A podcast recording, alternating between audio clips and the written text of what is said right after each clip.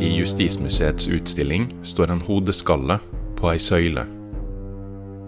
Slik begynte første episode av Celle 11 og vårt oppdrag.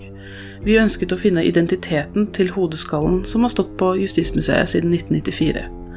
Takket være Torgrim Sørnes fikk vi en liste med ni navn som vi så kuttet ned til fem. Disse sendte vi til vår anonyme arkivdetektiv, og han har nå transkribert kildene, slik at vi kan lese dem. Nå skal vi se nærmere på om en av disse kan være vår skalle. Men vi er jo nysgjerrig på mye mer enn bare navnet på denne personen. Vi vil også vite hvordan eh, livet og, virkeligheten var for disse menneskene på 1700-tallet. Så for å hjelpe oss med det underveis mens vi leser kildene, så har vi henta inn en ekspert. Jeg heter Jørn Øyrehagen Sunde og er professor i rettshistorie ved Juridisk fakultet i Bergen. Eh, rettshistorie er en eh, gammel norsk disiplin. Vi har hatt rettshistorikere siden 1700-tallet. Men eh, jeg jobber ikke så mye med lovgivningshistorie eller rettsvitenskapens historie. Jeg jobber med praksishistorie. Og det har vært ganske uvanlig at jurister jobber med i Norge. Så jeg jobber først og fremst med praksis fra 1600- og 1700-tallet, også fra mellomalderen, men òg eh, vår samtid. Ja, altså hvis du jobber enten med lovgivningshistorie eller du jobber med rettsvitenskapens historie, så jobber du mye mer strengt juridisk. Men med en gang du begynner å lese rettssaker, så inneholder rettssaker endeløst mye informasjon. Informasjon som på en måte bare er en kontekst for det juridiske, men du får all denne informasjonen likevel. Så du jobber mye tettere på kulturhistorie, sosialhistorie, av og til økonomisk historie. Så hvis du f.eks. leser om skipsforlis og sjørettssaker, så legger du merke til at det er påfallende ofte at de skjer rundt juletider, for da er det veldig ofte dårlig vær.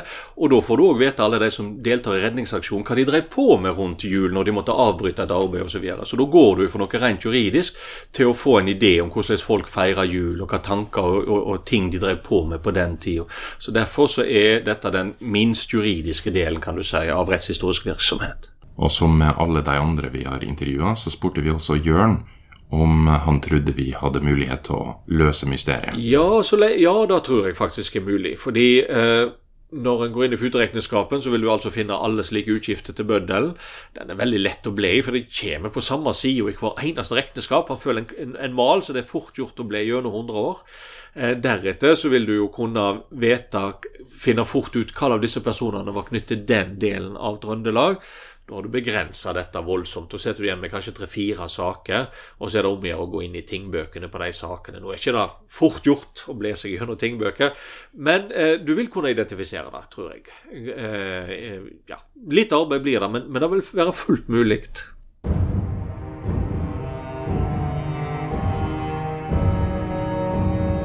Den første saka finner vi i Tingbok for Fosen sorenskriveri ved alminnelig vårting på Brekstad for Ørlands tinglag 23.2.1724.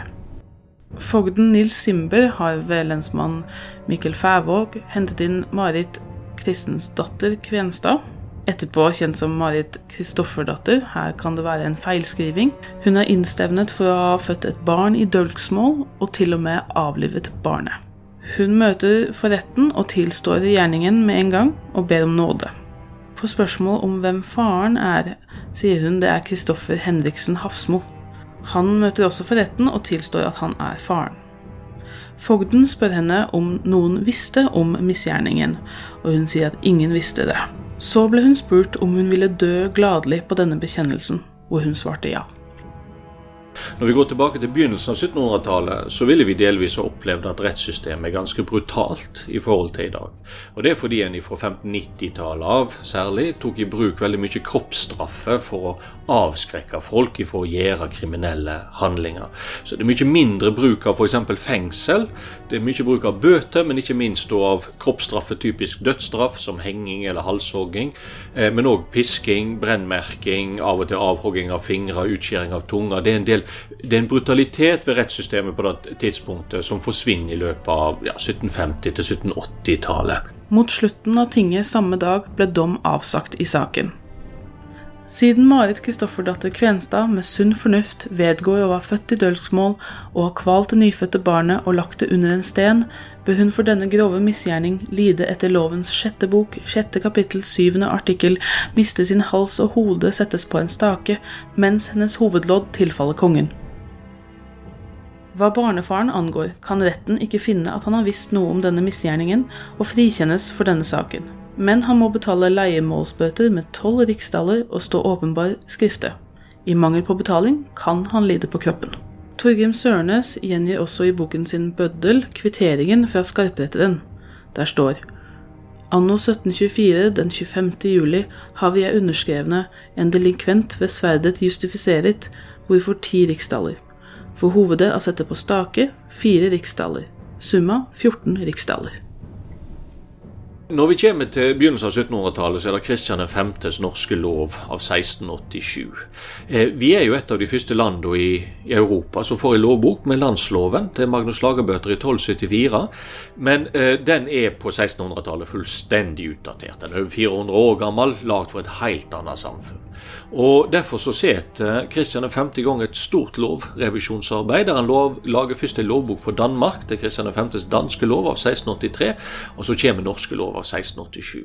Da har det blitt lagd veldig mange utkast, til dels veldig gode utkast, for en ny norsk lovbok.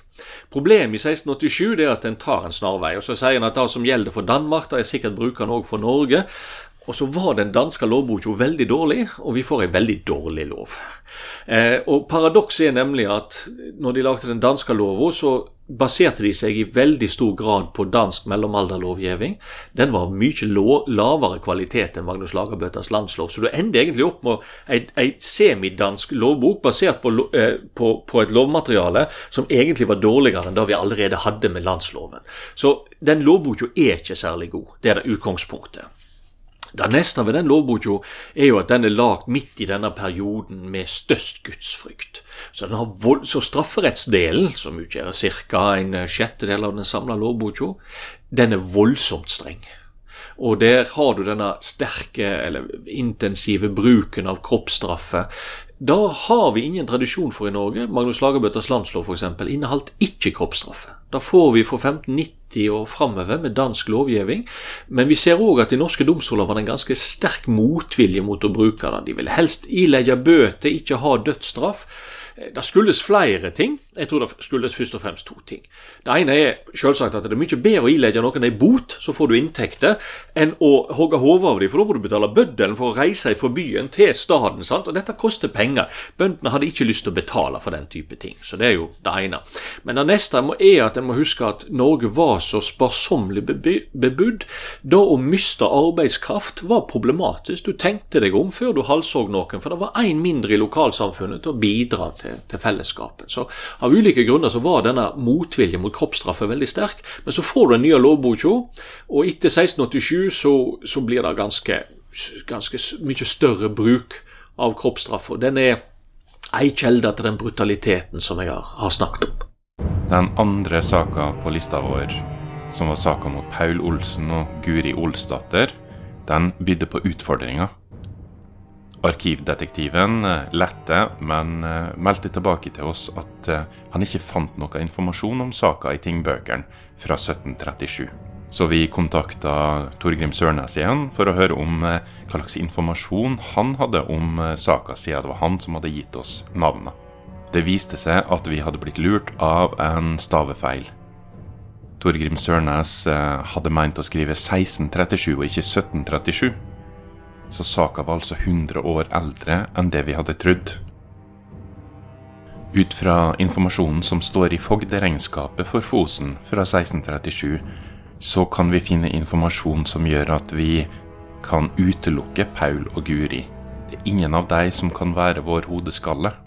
Den første grunnen til det er at uh, saka gikk for Rissas tinglaug, og det var et annet område enn Ørlandet på den tida. Dessuten, som vi har hørt i tidligere episoder, så blei ikke de som blei dømt for blodskam, dømt til å få hodet spikra på stake etter døden på den tida her. Dette var jo en periode før Kristian 5.s norske lov trådte i kraft. Dermed så kan vi stryke to navn til fra lista vår. Eh, og så har vi da dette med blodskam. Blodskam slett, betyr egentlig incest med vår tids terminologi, men de hadde ganske vide incestregler. Så til og med ut til tremenning så regna du seksuell omgang med incest. Samtidig som Norge var sparsommelig befolka. Veldig mange var i slekt med folk. Og det gjorde at du fikk en god del blodskamsaker. Blodskam med med fetter og kusine da, eh, og, og, og, tremenning, da får du straffarbeid. Det er for så vidt alvorlig nok, men du, du blir ikke dømt til døden. Da du blir dømt til døden for, eh, som vi i dag ikke regner for incest, det er f.eks. seksuell omgang med svoger, altså og svigerinne. Hvis du har vært gift og kona di dør, og så er søsteren hennes tjenestejente på, på gården din, og hun blir gravid med deg, ja, da er det som å ha seksuell omgang med sin egen søster. Svigerinna blir regna som søster. Da blir du halshogd i utgangspunktet.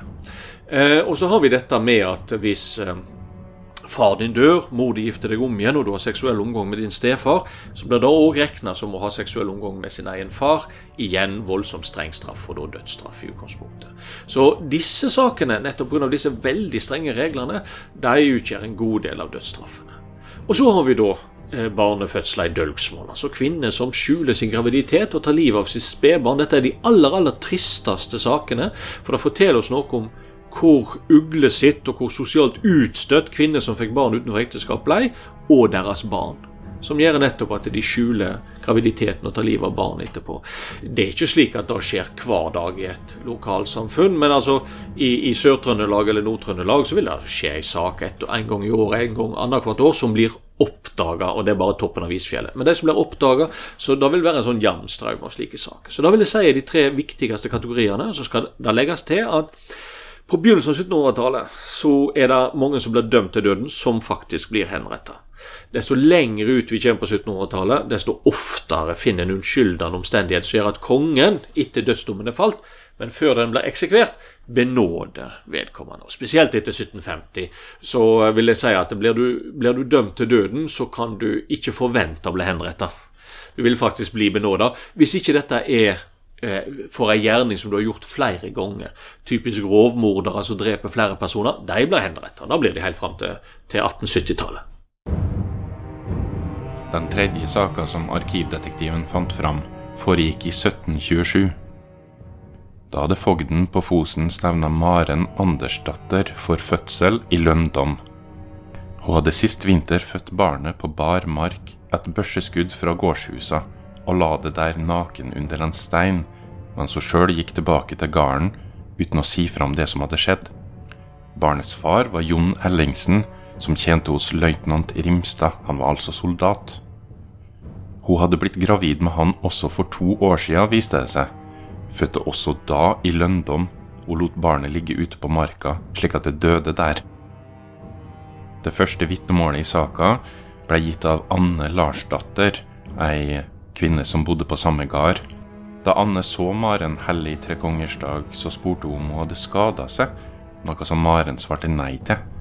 Anne gikk da ut for å undersøke, og fant barnet liggende et halvt børseskudd fra huset, naken under en stein. Hun tok det straks opp i forkleet sitt. Barnet levde da fortsatt. Hun ga barnet til Maren, som ga barnet bryst. Men et par uker seinere så fant husfrua på gården barnet dødt i senga til Maren. Den ene sida av hodet på barnet var flat, og det så ut til at mora hadde ligget barnet i hjel. Fogden påsto at for denne grove forbrytelsen så måtte Maren dømmes til døden. Retten undersøkte om hun hadde noe til å betale sine bøter med, men de fant ut at hun ikke eide mer enn det hun gikk og sto i. Dommen ble avsagt mot slutten av samme ting. Marens behandling av sine barn karakteriseres av dommeren som ugresselig og mer enn umælende kreaturs behandling. Det første barnet hun fødte, skal ha vært født så mye for tidlig at hun knapt kunne kjenne det igjen som et barn, og derfor lot de ligge igjen på marka som et åtsel. Også det andre barnet som ble født hellig tre kongers dag, ble lagt igjen i snøen og kulda, hvor det utvilsomt hadde frosset i hjel om ikke Anne Larsdatter hadde funnet det så snart. Men tolv dager etter fødselen skal altså Maren ha ligget barnet i hjel om natta. Det viser at hun ikke hadde skjøtta om barnets liv, slik at hun måtte dømmes etter lovens sjette bok, sjette kapittel, sjuende og åttende artikkel, og må derfor miste sin hals og hode settes på en stake, andre lettferdige folk til avsky. Hva barnefaren, soldat Jon Ellingsen, angår, har han alt retta for seg i krigsretten, står det i tingboka. På begynnelsen av 1700-tallet så er Gud sterkt til stede i rettssystemet. Det er veldig mye en frykt for Guds straff, at Gud skal straffe et samfunn som ikke straffer sine syndere, som er en drivkraft for at en driver og avdekker kriminalitet og, og, og uh, straffer kriminelle. Så den tilstedeværelsen av Gud den er helt annerledes enn sånn vi ser det i dag. Fordi du driver ikke bare med straff for å verne borgerne, men faktisk for å verne borgerne mot Guds straffedom. I Tingbok for Fosen sorenskriveri 25.07.1722. Forvalter over Østeråds gods Bernt Røst har latt innvarsle Anne Katrine Nilsdotter Fævåg for sin ulovlige omgang med sin barnefødsel i dølgsmål i Vestvikskogen den 27. mai 1722. Alle de norske adelige setegardene. En adelig setegard er en gard som er knytt til én adelsmann. De har en rad privilegium. Det er knytt til handel, f.eks. Det har med skattefritak for produksjon osv. Det er veldig lukrativt å ha én setegard. og noen av de store familiene kunne jo ha flere slike setegarder, og det var ofte et grunnlag for en god økonomi. Men så følger det plikter med å ha en adelig setegard. Eh, disse blir innført på 1640-tallet etter dansk mønster, så alle aristokrater som sitter med en adelig setegard, de har plikt til å forfølge alle forbrytelser på sitt gods. Delvis så kunne det det kan på overflata se ut som om det var en viss økonomi i det. Typisk at hvis noen gjør en forbrytelse som de må betale en bot for, så får du òg inntektene du må forfølge forbryteren, men du får inntektene. Så er det jo slik at de aller fleste som gjør en forbrytelse, har ikke råd til å betale bot likevel, så det var mest utgifter da. Men det er klart, eh, for den type saker som kan føre til, til dødsstraff, da er det jo bare utgifter stort sett knyttet til, straffeforfølging. Men det var altså en plikt som aristokrater som satt på adelige setegarder hadde. I begynnelsen så var de nok veldig fornøyd med det, for det gir jo en voldsom autoritet. Altså, jeg er en person som rår over ditt liv, hvis ikke du holder deg innenfor lovens ramme. Men som sagt, når du har forfulgt noen forbrytelser noen gang og betalt alle utgiftene, så er du egentlig ikke så veldig interessert i dette mer. Du kan greie deg uten autoriteten. Og vi ser at disse godseierne ble gang på gang på, påpassa, altså, for de forfulgte ikke forbrytere på, på sine gods. Men eh, her kommer jo Austrått i en annen kategori. altså Veldig mange av disse godseierne i Norge det er jo små gods, det er små adelige setergårder, og de har en liten økonomi. Austrått er jo en helt annen liga. Vi snakker en av de flotteste gårdene i Norge. Men helt egen autoritet osv. Så, videre. så da vil jeg tro en sted der du forføler forbrytere. Du vil òg på godset ha avsett et rom til fengsel. Det vil ikke si at det nødvendigvis ble brukt sånn. Som regel ble det sikkert brukt som lager, for du har ikke så mange fanger. Men du har hatt et rom hvor du har kunnet hatt fanger, og du har hatt fotjern og, og håndjern. Det hadde de på de store adelige setegardene av den typen som Austrått er. Så der har du nok hatt straffeforfølging, der godsforvalteren har vært fut, men du har brukt den ordinære sorenskriver til å felle en dom. Forvalter over Østeråds gods, Bernt Røst, har latt innvarsle Anne Katrine Nilsdotter Fævåg for sin ulovlige omgang med sin barnefødsel i dølgsmål i Vestvikskogen den 27. mai 1722. Vitner i saken forteller at etter en tur i skogen kom Anne inn i stuen, og de var vitne til at etterbyrden hennes falt ned, altså morkaken. Etter en lang taushet tilsto hun at hun hadde født et barn i skogen og lagt det igjen der. Hun viste dem etter hvert hvor i skogen det var, og de fant barnet dødt under en stubbe. De som undersøkte barnet, fant to blå flekker på barnets hals. Når vi snakker om mer alvorlige forbrytelser, forbrytelser som vakte oppsikt, og som vakte frykt eller irritasjon osv. i et lokalsamfunn, så ble det rapportert. Da er det først og fremst til lensmannen. Så for hvert sånn region så har du en fogd som representerer påtalemakta. Han har òg andre oppgaver, det er han er skatteinnkrever osv. Og så har han i det som i dag er en kommune, hver kommune, så har han en, en lensmann. Og lensmannen han er fogden sine lokale øyre og øyne. Og hvis han hører et rykte om noen som har begått et tyveri, eller plutselig har penger, kan, eller kan selge tobakk som ikke tidligere har hatt råd til den type varer, ja, da begynner han å lure på er det noen som har eh, rana et skipsvrak? Er det noen som har vært inne på noen sitt stabbur? Eh, så den type ting føler han hele tida med på. Så har du andre, og, og tyveri vekker oppsikt lokalt, det vekker irritasjon. Så har du det som vekker frykt, f.eks. barnedrap. Altså kvinner som blir mistenkt for å ha skjult sin graviditet, født et barn i skjul og så tatt livet av det. Og da vi ser det at om det er skyldig om tyveri eller om barnedrap eller andre ting, da kommer lensmannen lokalt. Da undersøker han, finner han tyverigods, eller han undersøker, kan han finne et barnelik, osv. Da får du litt det som vi i dag vil ha forbundet med ei etterforskning. Eh, Fogden er aldri sjøl lokalt og driver den type ting. Og hvis han ikke har en pålitelig eller aktiv lensmann, så vil han av og til på rent rykte ta ut den tiltalte, så får vi se hva folk sier når de kommer i, i rettssalen. Men har han en lensmann som er pålitelig, så vil han som regel ha litt det vi vil kalle etterforskningsmateriale før han tar ut en påtale. Om Anne sa vitnene at hun alltid var et stille og gudfryktig menneske, og hørte aldri et ondt ord om henne. De visste heller ikke at hun var gravid. Barnefaren, Lars Olsen Starum, ble fremkalt og tilsto at han var barnefar, men at han ikke visste at hun var gravid. Dommen ble avsagt. Barnefaren dømmes til å betale leiemålsbøter med tolv riksdaler til sitt herskap innen 14 dager etter dommens forsynelse, eller i dets mangler å lide på kroppen. Dommen til Anne ble følgende. Ifølge Den kongelige lovs sjette bok skal lettferdige kvinnemennesker som dreper barnet sitt, miste sitt hode, og hodet skal settes på stake. Anne Katrine dømmes derfor til å miste sitt liv under sverdet, og hodet settes på stake. Enhver rettssak skal en huske, det er jo en god historie. Den kan være fryktelig trist. Du kan synes synd på folk osv. Men det er en historie, som, og, og den er dramatisk. Fødsmål f.eks. i dølgsmål er jo fryktelig dramatisk. Disse unge kvinnene som har tatt livet av sitt eget spedbarn, ofte på, på ganske voldsomme måter. Da er vi på celle 11 igjen, og vi har uh, fått lest gjennom uh, kildematerialet som vår arkivdetektiv har sendt oss. Ja, og uh, vi håpte jo i hvert fall at vi kunne kanskje eliminere noen av kandidatene, da, om vi ikke klarte å bekrefte hvem det kan være. Så er det greit å, å kunne utelukke noen. Og som vi nevnte, så, så fant vi jo ting om Paul og Guri i den saka som gjør at vi kunne utelukke deg. Det var rett og slett feil tid. 100 år tidligere enn vi trodde. Og det var feil sted, og det var feil forbrytelse. Altså, de ville ikke fått den straffa, ikke hodet på stake.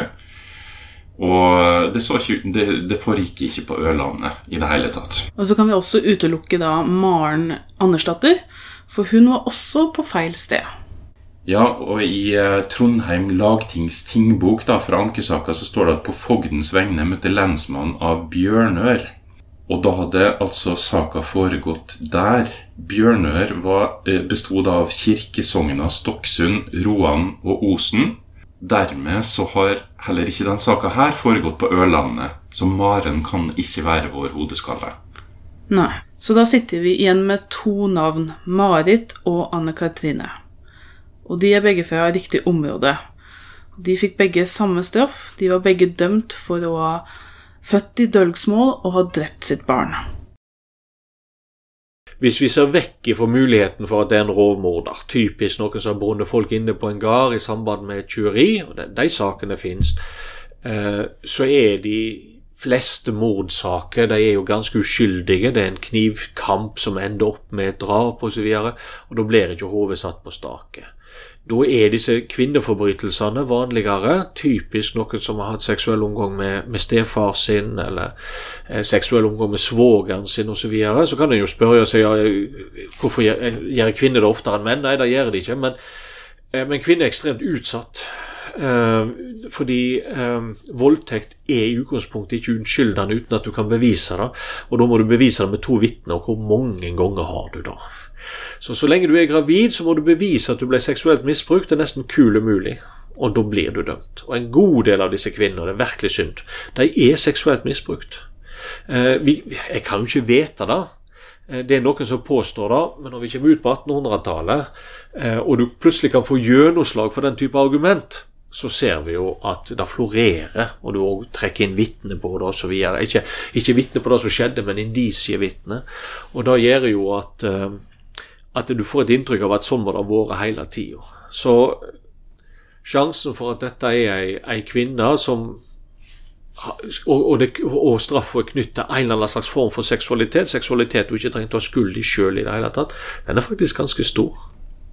Så, men da er det eneste, det eneste refleksjonen jeg har gjort meg. For jeg, hvis jeg ikke tenker på kjønn, og så tenkte jeg at nei, sannsynligvis er det ei kvinne. Så er det noen måte for oss å finne ut hvem av disse to er mer sannsynlig? Eller vil vi alltid bare lure på at det kan ha vært en av disse to? Ja, ut fra sakspapirer i tingbøkene så er det ingenting som uh, verken bekrefter eller avkrefter at det er en av dem, Marit eller Anne Katrine. Eh, for det står ikke noe nærmere om henrettelsene og hvor de har foregått. Eh, og det hadde jo hjulpet oss, ikke sant? for da hadde vi kunnet knytte det kanskje til stedet der hodeskallen ble funnet. Så da kunne det virke som at vi sto fast med de to kandidatene her. Men så dukka det opp noe i en kilde der vi kanskje ikke tror at vi skulle finne noe om eh, saken. Her har jeg et utsnitt fra kirkeboka i Ørlandet kirke fra 1723. Og du Kristine, du har ikke sett det her før. Nei. Skal du se hva Jeg snubla over nederst til høyre på sida her. Se om Ok. du klarer å tyde. Altså Den skrifta i kirkeboka Den er ikke noe lettere enn i tingbøkene. Det er den ikke. Nei. Men det står altså Sankt Hans dag, Ja, sankthansdag. og så står det under KOM. C-O-M-M, 4. Jeg har spurt om hjelp fra folk som er flinke på kirkebøker og, og arkiver og sånn. Det betyr at det var fire personer som møtte opp og tok nattvær i kirka eh, den dagen. Ja. Men så under der så har presten funnet det for godt og notert noe med lita skrift helt nede i hjørnet på boka. Og eh, der står det først da eh, På latin så står det 'Pridie festo baptiste'. Det betyr dagen før døperens festdag. Altså dagen før sankthans. Vi kaller det for sankthansaften. Det står 'henrettet'. Hen, henrettet på Eller Vik? Det står 'vik'. Står det Vik? Det står 'vik'. Å, her, Presten har skrevet her, den igjen. her står det Ja, sort på hvitt. Det er Vik. Herregud. For begangen mord For mord, ja. på sitt barn, som hun fødte i dølgsmål. Det ser jeg. Når du sier det, så ser jeg det med en gang. Ja. Men Vik, det er stedet. Vik er stedet. Det var der hodeskallen vår blei funnet.